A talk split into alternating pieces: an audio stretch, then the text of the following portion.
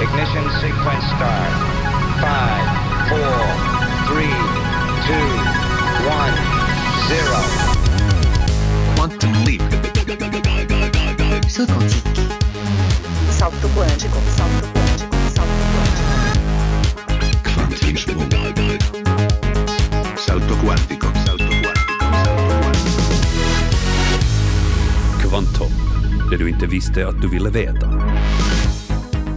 Till allra först i det här kvanthoppet vill jag komma med ett löfte. Jag lovar alltså att jag inte kommer att tala desto mer om coronaviruset eller covid-19 i det här programmet. Jag säger bara en sak och sen byter jag samtalsämne tvärt. Och det är tvätta händerna. Det är den första och kanske bästa försvarslinjen mot vilken smittsam sjukdom som helst. En färsk studie från USA visar att god handhygien bevisligen saktar ner epidemier. I en särskild nyckelställning är såklart flygresenärerna här. Studien i fråga från MIT-universitetet slår fast att om 60 procent av flygresenärerna skulle tvätta händerna ordentligt med tvål, inte bara lite skölja med kranen utan tvål ska man gnugga med i 20 sekunder minst.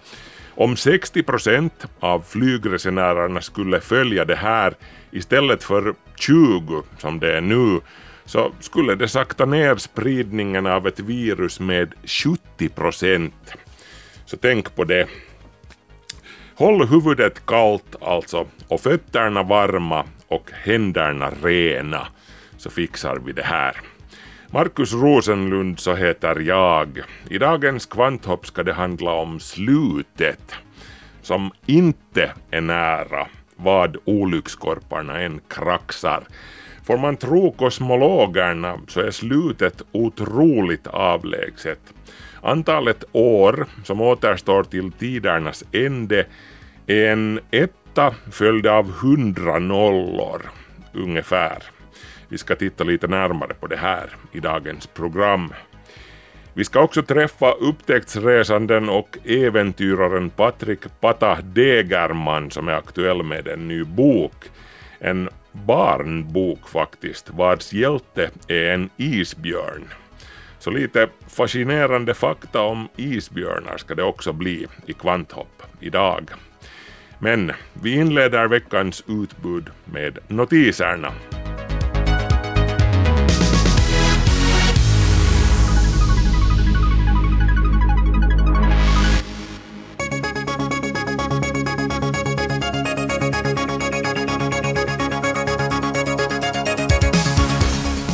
Jorden har fått sig en ny måne utöver den gamla då alltså.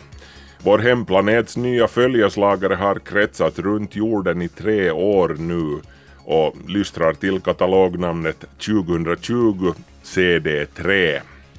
Det är Arizona-universitetets observatorium i Tucson som har observerat den här nya månen. Och den kan inte på något sätt tävla med den gamla månen, det är kanske skäl att göra det klart här och nu. För det första så är den väldigt liten, den har en diameter på några futtiga meter, så den syns alltså inte med blotta ögat, inget månsken här. Det handlar med andra ord om en liten asteroid som på sin färd genom rymden har fångats upp av jordens tyngdkraft och blivit kvar och kretsa runt jorden. Den har en omloppstid på 47 dygn. 2020 CD3 är inte den första i sitt slag. En liknande minimåne observerades också 2006. Och precis som det gick den gången så kommer 2020 CD3 sannolikt att försvinna tillbaka ut i rymdens mörker i den nära framtiden. För första gången någonsin har forskare upptäckt ett flercelligt djur som inte behöver något syre alls för att leva. Faktum är att djuret i fråga inte kan andas alls.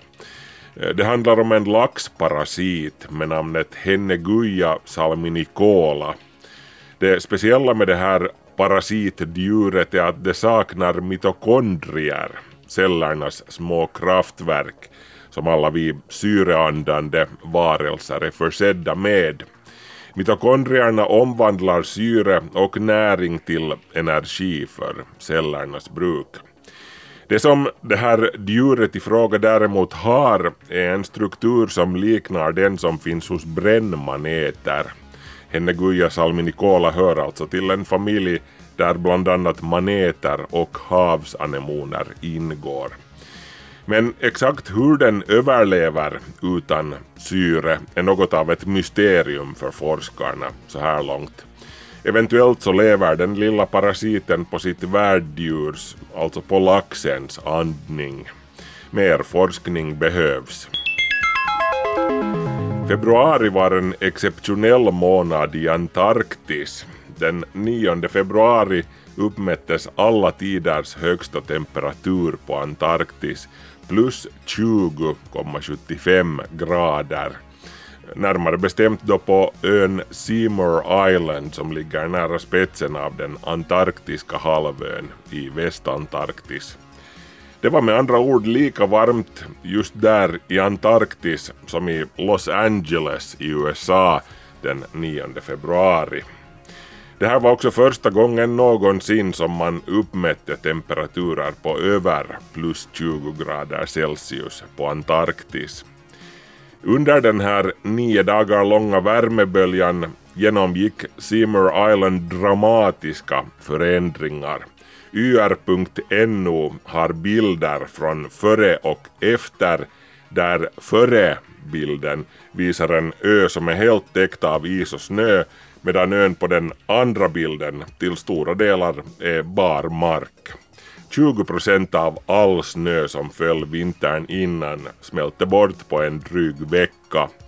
En expert som YR.no har intervjuat säger att sådana här händelser inte är ovanliga i Grönland till exempel, men de inträffar så gott som aldrig på Antarktis.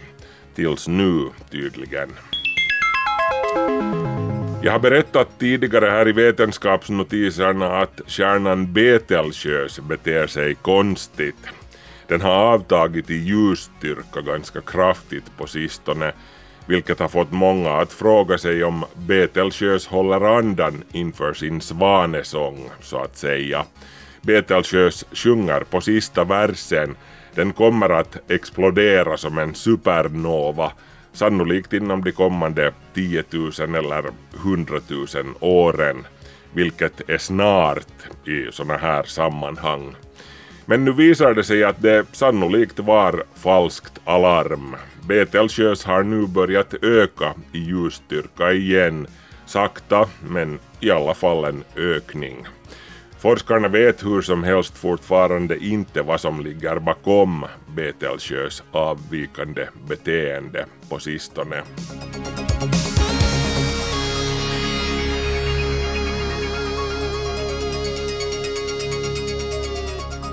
Just nu beräknas det att det finns omkring 150 miljoner ton plastskräp i världshaven.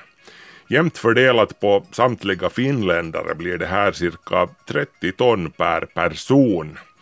Inte minst Arktis dränks i plastskräp, något som bekymrar äventyraren och upptäcktsresanden Patrik Pata Degerman. Han är just nu aktuell med en ny barnbok, Jäkarhu Patrik Operatio Tassun jälki heter den. Den är full av fina foton tagna bland annat av Degerman själv och storyn den är skriven av Leningrad Cowboys-veteranen Mato Valtonen. Jag gick och kollade in presskonferensen där boken lanserades och snackade lite med Pata.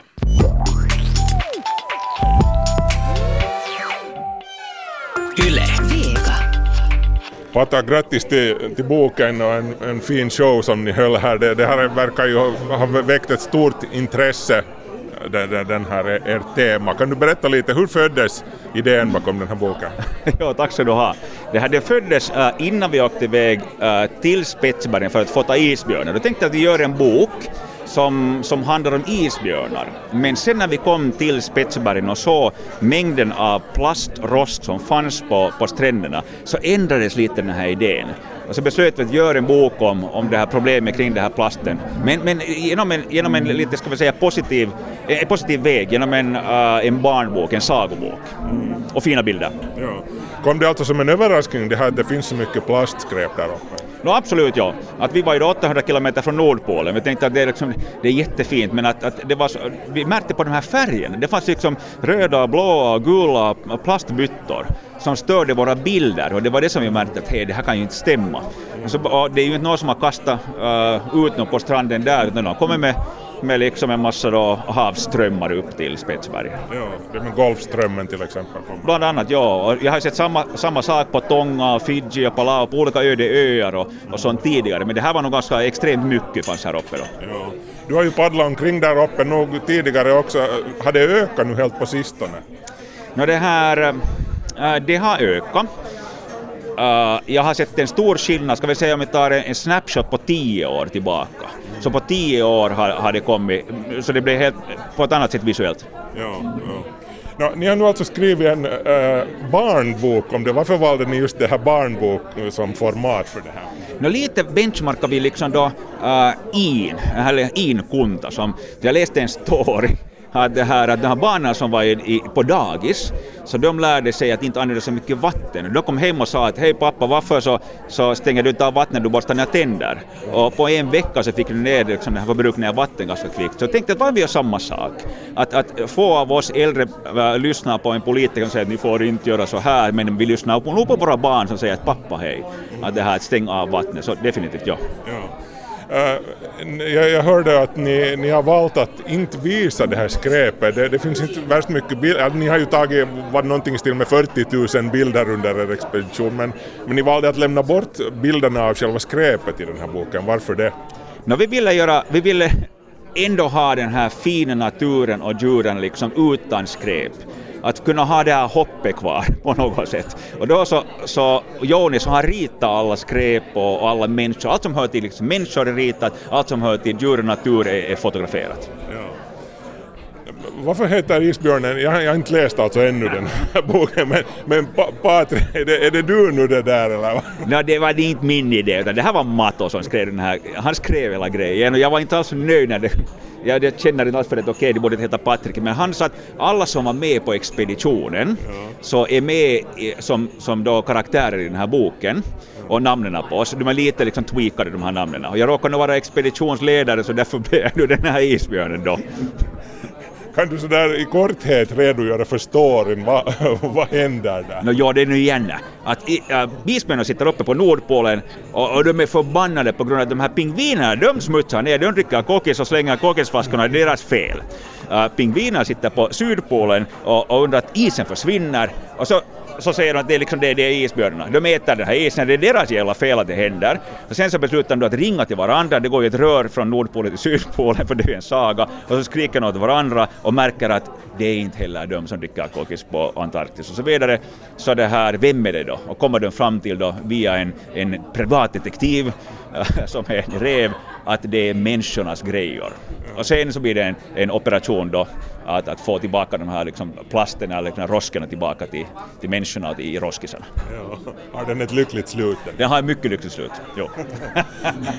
det, det, här låter ju som någonting som kunde gå hem liksom, typ i hela världen. Vad har ni för planer för, för liksom, världserövring med den här? Ja, absolut. Det här, nu har vi redan fått uh, första delarna på en engelsk bok. Okay. Så det här att jag till nästa del så, här i Finland är det inget problem med plaster liksom. Ja. Att här finns inte så mycket med far till Indonesien och titta eller far ja. någonstans annanstans. Så, så då tänker vi nog få den här på engelska och dra ut den. För vad har vi förlorat? Inte så mycket överhuvudtaget.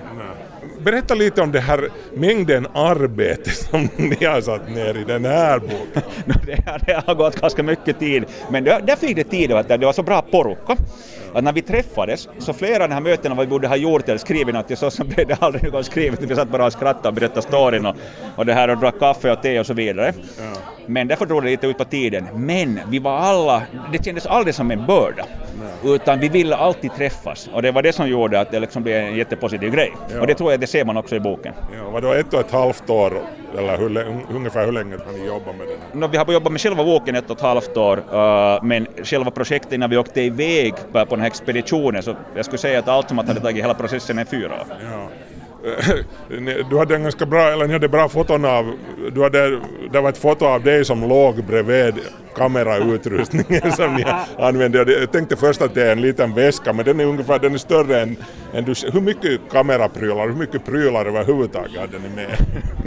Vi räknade någon gång ut vad det kostade de här prylarna, det blev 150 000 euro ungefär, liksom alla grejer, men vi hade upp till en 20 linser, uh, ungefär en 10 olika sorters sådana här uh, då, kameror och, och drönare och, och robotar och det ena med det tredje. Så det, blev, det var nog lite overkill kan jag säga. Uh, men, men om vi nu har fotar så då, då märkte vi att det är ju roligt, då får vi bytte linser och, och, och, och det här och låna kameror och grejer liksom till varandra. Så det var, det var därför det var så mycket grejer. Ja, när du säger linser så vet du, folk tänker kanske stora som, en, som ett burklock, men det är alltså stora som din arm. ja, de är nog sådana här halvmeter långa grejer. Att, att, och också ganska dyra, så därför lånar vi också en hel del. Ja. Gick allt bra eller hade ni något missöde? No, det här, nu var det ju ganska gärna att stå, allt gick bra, ingenting hände, inga missöden. Uh, men uh, när du är, ska vi säga, uh, sex meter från en isbjörn och inte har någonting emellan, uh, så märkte vi att vi, vi, vi låg i en, i en, i en Zodiac, en sån gummibåt, och sen fanns det vatten emellan, sen kom det på stranden. Och vi var där ungefär en kvart timme, och sen steg jag lite upp och började titta, att vi trodde att det var djupt vatten, men så var det också bara 20 cent vatten, så det skulle kunna komma på oss på liksom en halv sekund. Så där vid det känner jag märkte det här, att, att det var liksom inte bra överhuvudtaget. Så då så satt vi nog liksom då backen i och åkte iväg. Eh, du beskrev ganska bra isbjörnen, hur farlig den är. Kan du ta den korta versionen? Alltså shit pommes frites, den kan springa 50-60 kilometer i timmen. Det, det är liksom 700 kilo muskler och ben. Uh, vi är verkligen mat i dess ögon. Den kan hoppa 12 meter, kommer den i luften mot dig. Den kan springa med en kula i lungan om du råkar träffa den också, uh, upp till 50 meter. Så att det här, den kan lukta dig upp till 30 kilometer från dig när du gör mat. Eh, uh, sådana här saker. Så, så den, den vet exakt var du är och, och sånt. Men den, den är inte så smart att den vet, du kan lite hoja den, du kan lite, så att om du är en grupp tillsammans så det här, uh, så då så tror den att du är ett, ett stort djur och då vågar den inte komma på. Okej. Så den är definitivt inte liksom den där gulliga gosebjörnen som man, Definitivt inte, nej. Det är den inte. för, utom då isbjörnen Patrik förstås. Ja, den är mycket snäll. ja, den, den, men i Puffington Post, de har nog lite bitit en pingvin där och, och ett helt lag försvann en gång från Antarktis också. Uh, så att, men de kom till att man får inte äta pingviner. Ja, ja. Okej, ännu tänkte fråga, ska det bli film av det här då? No, det har vi inte tänkt på, god idé! Bra, jag vill ha en del av royalty. Bra, det får du. Lycka till! Tack ska du ha. Ni hörde äventyraren och upptäcktsresanden Patrik Pata Degerman som alltså är aktuell med en ny bok på temat isbjörnar och plasten som skräpar ner deras stränder, tyvärr. Kvanthopp, det du inte visste att du ville veta. Om en stund ska vi konstatera att slutet är inte nära. Universum är gammalt, men det är ingenting jämfört med den tid som ännu återstår om anhängarna av den så kallade Big Chill-teorin har rätt. Det här är en Svenska Yle-podd. Slutet är nära, kraxar olyckskorparna. Sådär som de har kraxat genom seklerna. Det har väl alltid funnits en beskärd andel av befolkningen som har trott att de har levt i de yttersta tiderna. Så också i vår tid. Jag trodde personligen att världens undergång stod för dörren cirka 1979. Dels så var det någon profetia som vissa frikyrkliga kretsar spred om domedagen just då som vi ungar snackade om på skolgården. Och dels var det det kalla kriget som just då var inne i en särskilt het fas. Sovjetunionens invasion av Afghanistan och så vidare. Jag minns att jag frågade mamma var vi ska ta skydd sen om bomben faller över Helsingfors. Kanske under bastulaven föreslog tioåriga jag. Den är bastant och där ryms vi båda, mamma och jag. tyckte jag. In the case of nuclear or radiological fallout, people living around potential targets such as military... Jag var alltså övertygad om att kärnvapnen som stormakterna hotade varandra med var så kraftfulla att de bokstavligen skulle spränga jorden i små bitar och hela världen skulle upphöra att existera och tiden skulle stanna och så vidare bortåt. Och så hade vi den där profetian dessutom. Jag minns att det var vid middag, en vinterdag som det skulle ske. Eh, vi ungar samlades på skolgården och räknade ner. Jag tror nog att vi insåg att sannolikheten för Armageddon just den dagen var ganska liten. För eh, som jag minns det så var det ganska uppsluppen stämning som rådde på gården. Om än med en lite lätt nervös underton. För man vet ju aldrig. Men sedan så tjoades det när klockan slog tolv och världen fortsatte i sin bana precis som förr. Precis som den har gjort i samband med de 65 stycken övriga domedagsprofetior vars bäst före datum har kommit och gått sedan 1979. Det finns en lista på webben, jag räknade. Mm.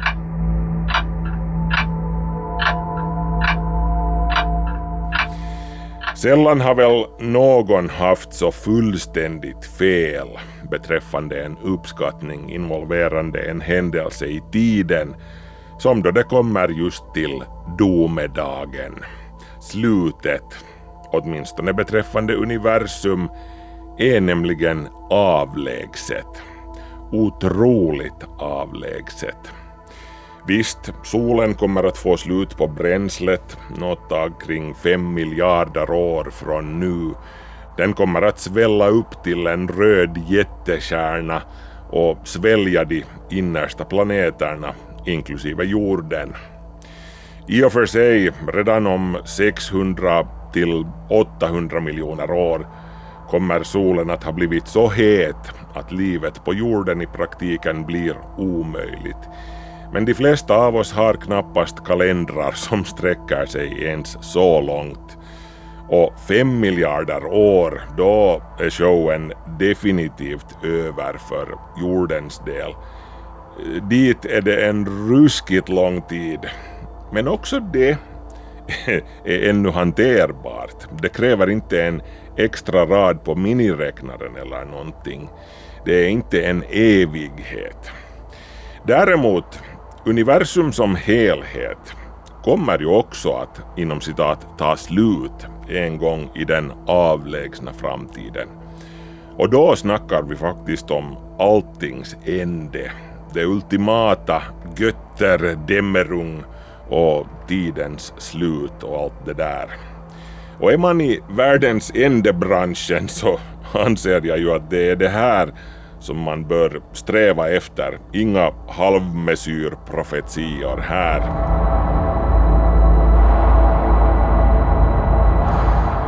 Men det här slutet, alltså universums själva slut, är hårresande avlägset.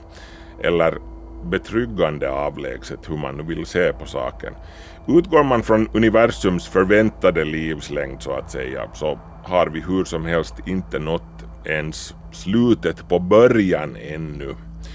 Visst, vi passerade universums inom citat middagsstund redan för 10 miljarder år sedan då universum bara var omkring 3 miljarder år gammalt. Och med middagsstund menar jag alltså att det finns beräkningar som tyder på att det var vid den här tiden som ljusmängden i universum var som allra störst.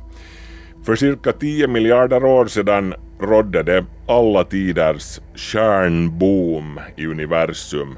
Då var kärnbildningen större än någonsin, varken förr eller senare. Sedan dess har energiproduktionen i universum avtagit an efter och galaxerna har bleknat. Kärnbildningen i vår tid är bara omkring 5 procent av vad den var då under boomtiden.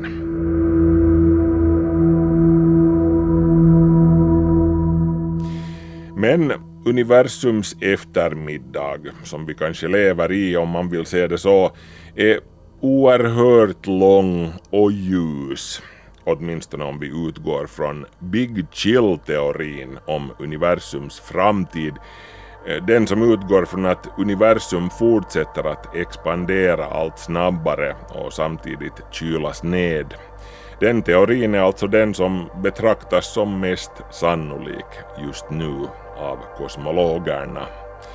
Och enligt Big Chill-teorins tidslinje så är alltså den här tiden då skuggorna blir långa på allvar, slutet alltså, då mörkret kryper in en gång för alla, mer avlägsen än vi kan föreställa oss. Bokstavligen, vi kan inte föreställa oss sådana tidsrymder.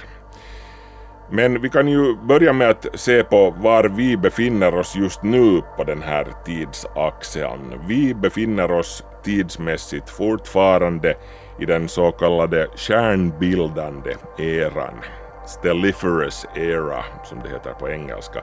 Den började cirka 100 miljoner år efter Big Bang. Det betyder att nya stjärnor fortfarande bildas i vår tid. Vill du se ett exempel på det här så kan du ju blicka bort mot Orion-nebulosan. En särdeles myllrande inom citat kärnbarnkammare relativt nära oss.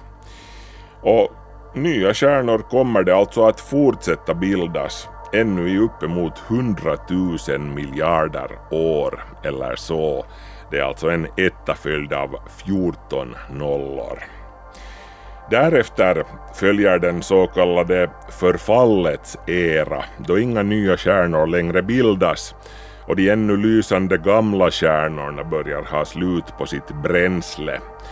Då ungefär 100 triljoner år har gått efter Big Bang, det är en etta följd av 20 nollor, är det bara planeter och utbrända dvärgstjärnor som återstår i universum. De svarta hålen dammsuger sakta men säkert upp den kvarstående materian och till slut är det bara supermassiva svarta hål som finns kvar av de en gång så mäktiga och tindrande galaxerna. All materia som de svarta hålen skulle råka missa faller sedan sönder av sig själv, radioaktivt alltså. Standardmodellen i partikelfysik förutsäger visserligen att protoner är stabila, men det finns hypotetiska modeller som tyder på att protoner sönderfaller radioaktivt till positroner och pioner över riktigt hejdlöst långa tidsrymder och att de då har en halveringstid på en mängd år som alltså skrivs som en etta och sen 36 nollor. Ungefär samma torde i så fall gälla för neutronerna.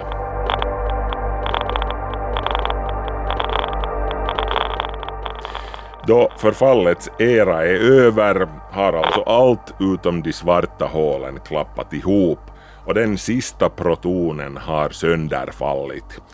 Tänk om den protonen en gång satt i just din kropp. Tänk på det. Hmm. Det säger sig självt att en så avlägsen framtid och så långa tidsrymder är fullkomligt meningslösa för oss liksom i vår vardag.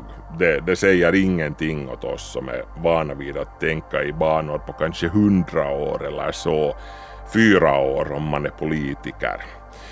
Men inte ens efter den här surrealistiskt långa tiden har vi ännu nått slutet på tidsaxeln om vi utgår från den här allmänt accepterade teorin om universums utveckling, Big Chill-teorin. Och det här kan ju vara kul att påpeka det här för den där vildhögda killen nere på hörnet med sin skylt som förkunnar att slutet är nära, gör en bättring. Ja,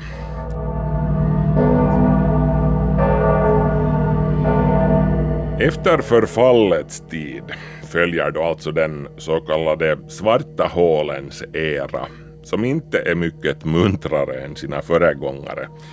I den här eran som pågår fram till omkring år ja, 10-6 deciljarder som det heter. Det är alltså en etta fylld av 100 nollor. Är det som namnet säger bara svarta hål som återstår i hela universum. Och inte ens de svarta hålen har någon desto större poäng med sin tillvaro i det här skedet i och med att det inte finns någon mer materia att sluka. Det är lite som en värld bebodd av idel vargar men ingenting för de vargarna att äta.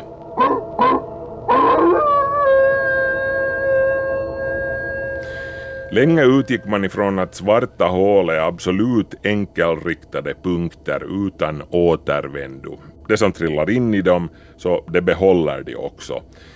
Eh, men idag utgår vi från att svarta hål de facto förlorar massa med tiden genom det som kallas Hawking-strålning efter den framlidne professor Hawking. Eh, de svarta hålen avdunstar kan man säga. De minsta svarta hålen kommer då att ryka först under de svarta hålens era men de största supermassiva svarta hålen de håller ställningarna ända tills ja, no, någonstans kring tisdagen den 5 november år 1 och sen 100 nollor. Nåjo, jag, jag skojade förstås bara om det där med tisdagen, det vet vi inte. Och då återstår egentligen bara den mörka eran när de svarta hålen har rykt åt fanders. Och den mörka eran, den motsvarar alltså allting som händer efter år ett och sen hundra nollor. I det här skedet återstår bara en del av de allra enklaste partiklarna utspridda så jämnt som möjligt i det kompakta, kalla, kosmiska mörkret. Universum går i det här skedet mot sin så kallade värmedöd, då maximal entropi råder när all värmeenergi är helt jämnt fördelad, eller så jämnt som den nu går att fördela överhuvudtaget. Vilket i praktiken betyder att universum är dött.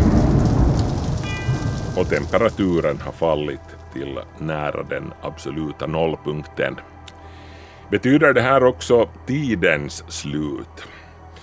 Ja, nå, inte direkt väl, men då måste man fråga en filosof vad det här med tid egentligen är. Om ett träd faller i skogen och ingen hör det, har det då något ljud? Om ett mörkt och kallt universum existerar där absolut ingenting händer, ingen rörelse existerar, har det då någon tid?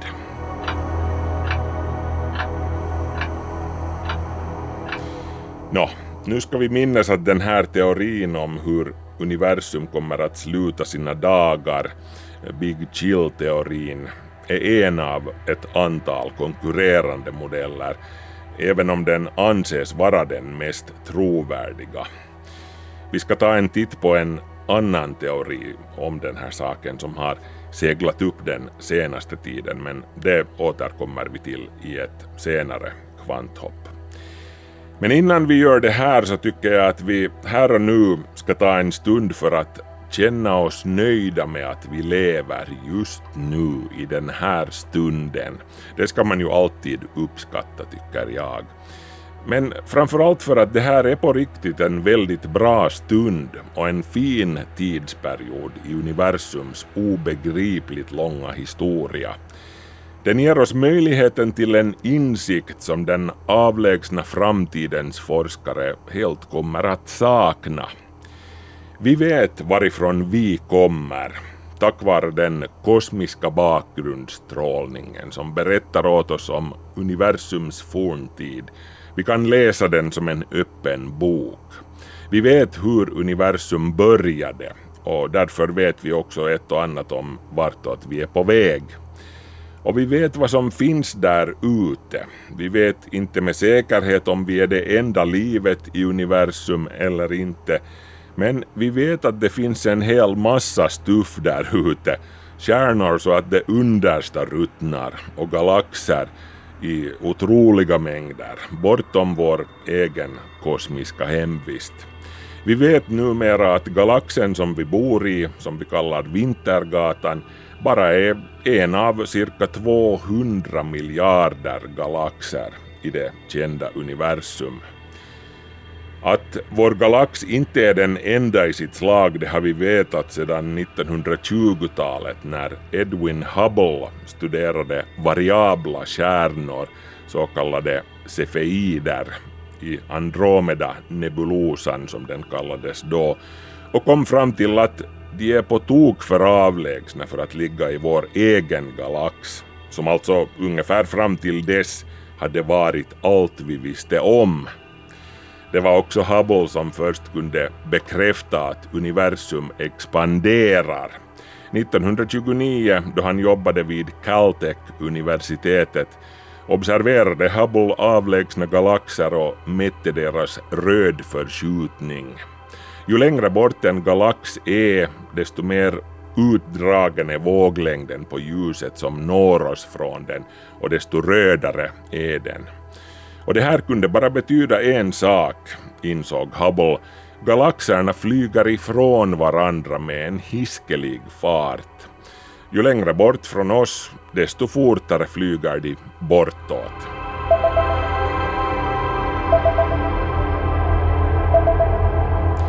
Det här med att vi inte bor i ett statiskt universum kom i och för sig inte som någon större överraskning för forskarna.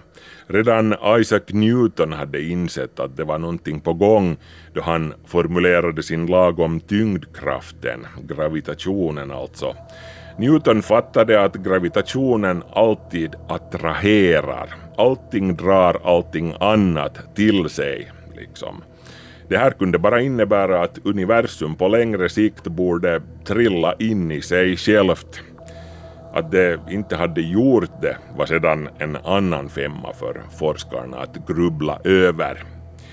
En annan stor tänkare som fick sig huvudbry av det här var naturligtvis Albert Einstein då han formulerade sin egen teori om gravitationen i den allmänna relativitetsteorin stötte han på samma dilemma som Newton hade brottats med. Einsteins ekvationer ledde honom envist till slutsatsen att universum antingen borde utvidga sig eller kollapsa in i sig självt. Det här föll inte alls Einstein i smaken. Han var envist av den åsikten att universum är statiskt och oföränderligt i all evighet mer eller mindre.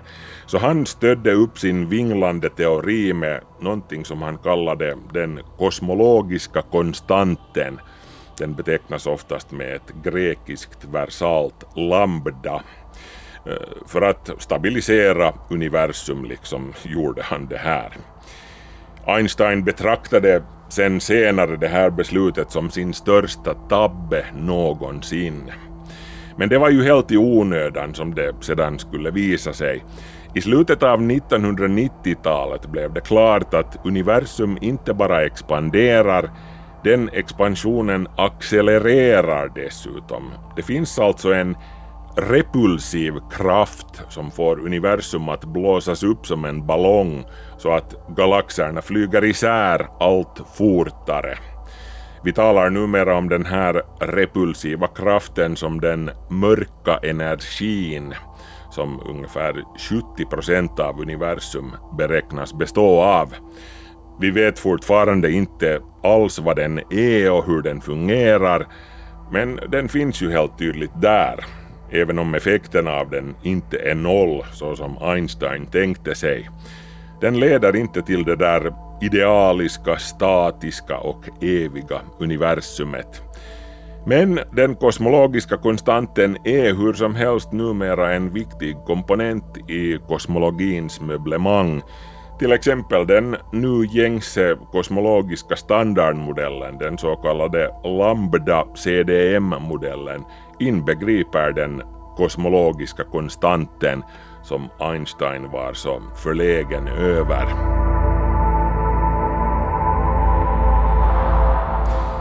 I vilket fall som helst så ska vi som sagt skatta oss lyckliga för att vi lever i en tid då vi kan se oss omkring i universum och dra olika slutsatser om varifrån vi kommer och vartåt vi är på väg.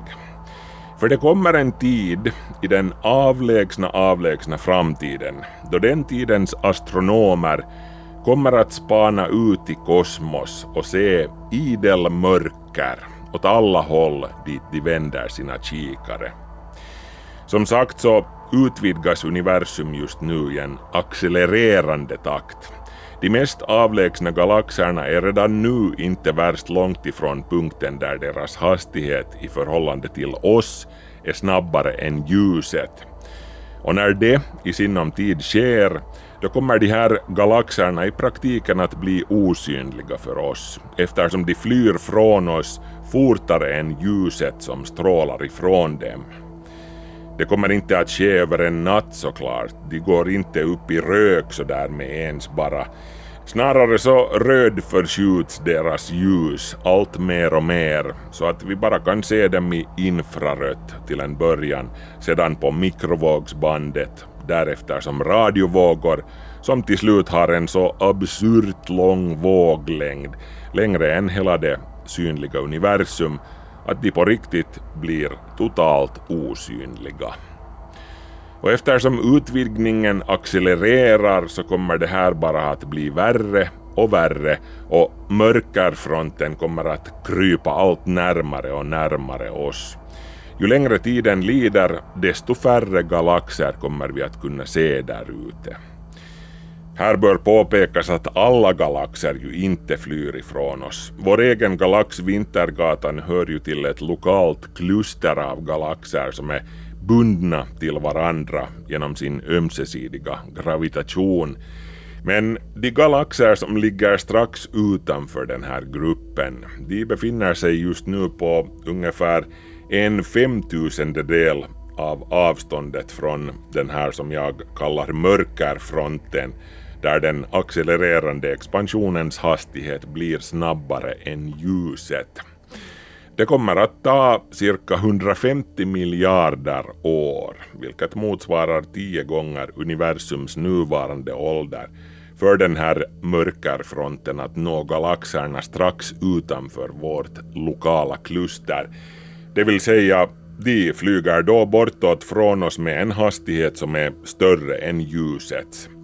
Då har ljuset från de här galaxerna rödförskjutits med en faktor på 5000.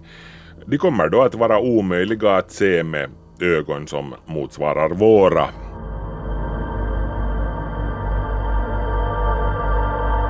Spolar vi bandet ännu längre framåt, till omkring två biljoner år, eller 2000 miljarder år in i framtiden, då kommer ljuset från vårt lokala klusters grannar att vara så långt rödförskjutet att hela resten av universum bokstavligen kommer att ha försvunnit ur sikte. Två biljoner år, det må låta som en löjligt skrattretande lång tid in i framtiden, men det är långt ifrån en evighet. Det finns stjärnor i den så kallade huvudserien, dit också vår sol hör, som kommer att lysa ännu efter två biljoner år. Och så finns de röda dvärgstjärnorna ju dessutom, för vilka två biljoner år ungefär motsvarar det när du väntar på hissen. Det kommer alltså att finnas planeter om två biljoner år som kretsar kring de här urgamla stjärnorna, vissa kanske med intelligent liv och civilisationer som kommer att finna sig själv stirrande ut i ett kompakt kosmiskt mörker. Alla de kanske 400 miljarder galaxer som vi tror att existerar i det kända universum idag kommer att ha försvunnit för evigt utom synhåll. Vilket den avlägsna framtidens astronomer naturligtvis inte kommer att veta att de överhuvudtaget någonsin fanns där, de här galaxerna, det vill säga. Eller hur de kom dit från första början. Och hur de själva, deras egen stjärna, kom dit från första början. De här astronomerna i den avlägsna, avlägsna framtiden kommer nämligen inte heller att kunna observera den kosmiska bakgrundsstrålningen som vi använder oss av för att läsa berättelsen om universums barndom. Den kosmiska bakgrundsstrålningen den är alltså i princip vanligt ljus. Den är efterglöden från själva Big Bang kan man säga. Och med tiden så rödförskjuts det ljuset också allt mer och mer i och med att universum expanderar. Så till slut, otaliga miljarder år in i framtiden, kommer den kosmiska bakgrundsstrålningen att ha en så lång våglängd att den inte längre är läsbar.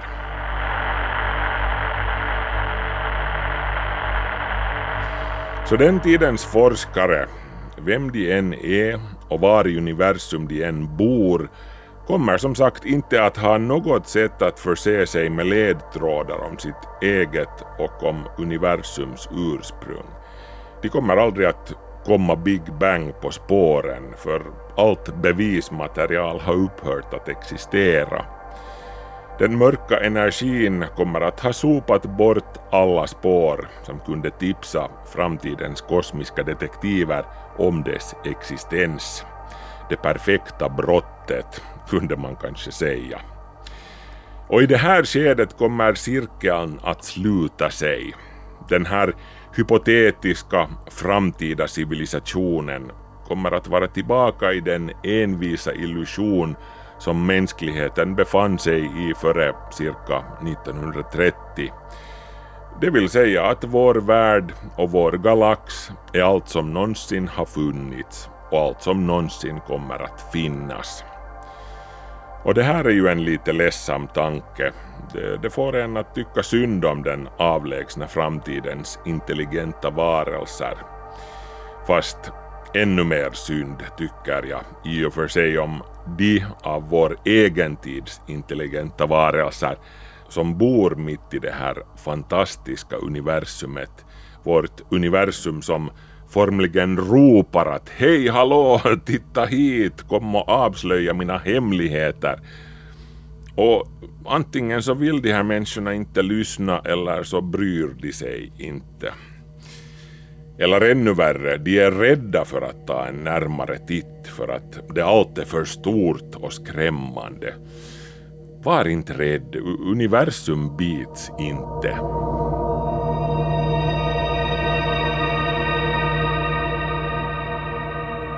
Och det var allt från Kvanthopp för den här gången. Jag heter Markus Rosenlund och hej, kom ihåg, kolla in vår Facebook-sida, bjud in era kompisar dit, där finns alltid en massa intressant stuff. Och så hörs vi nästa vecka. Ha det bra, hej så länge!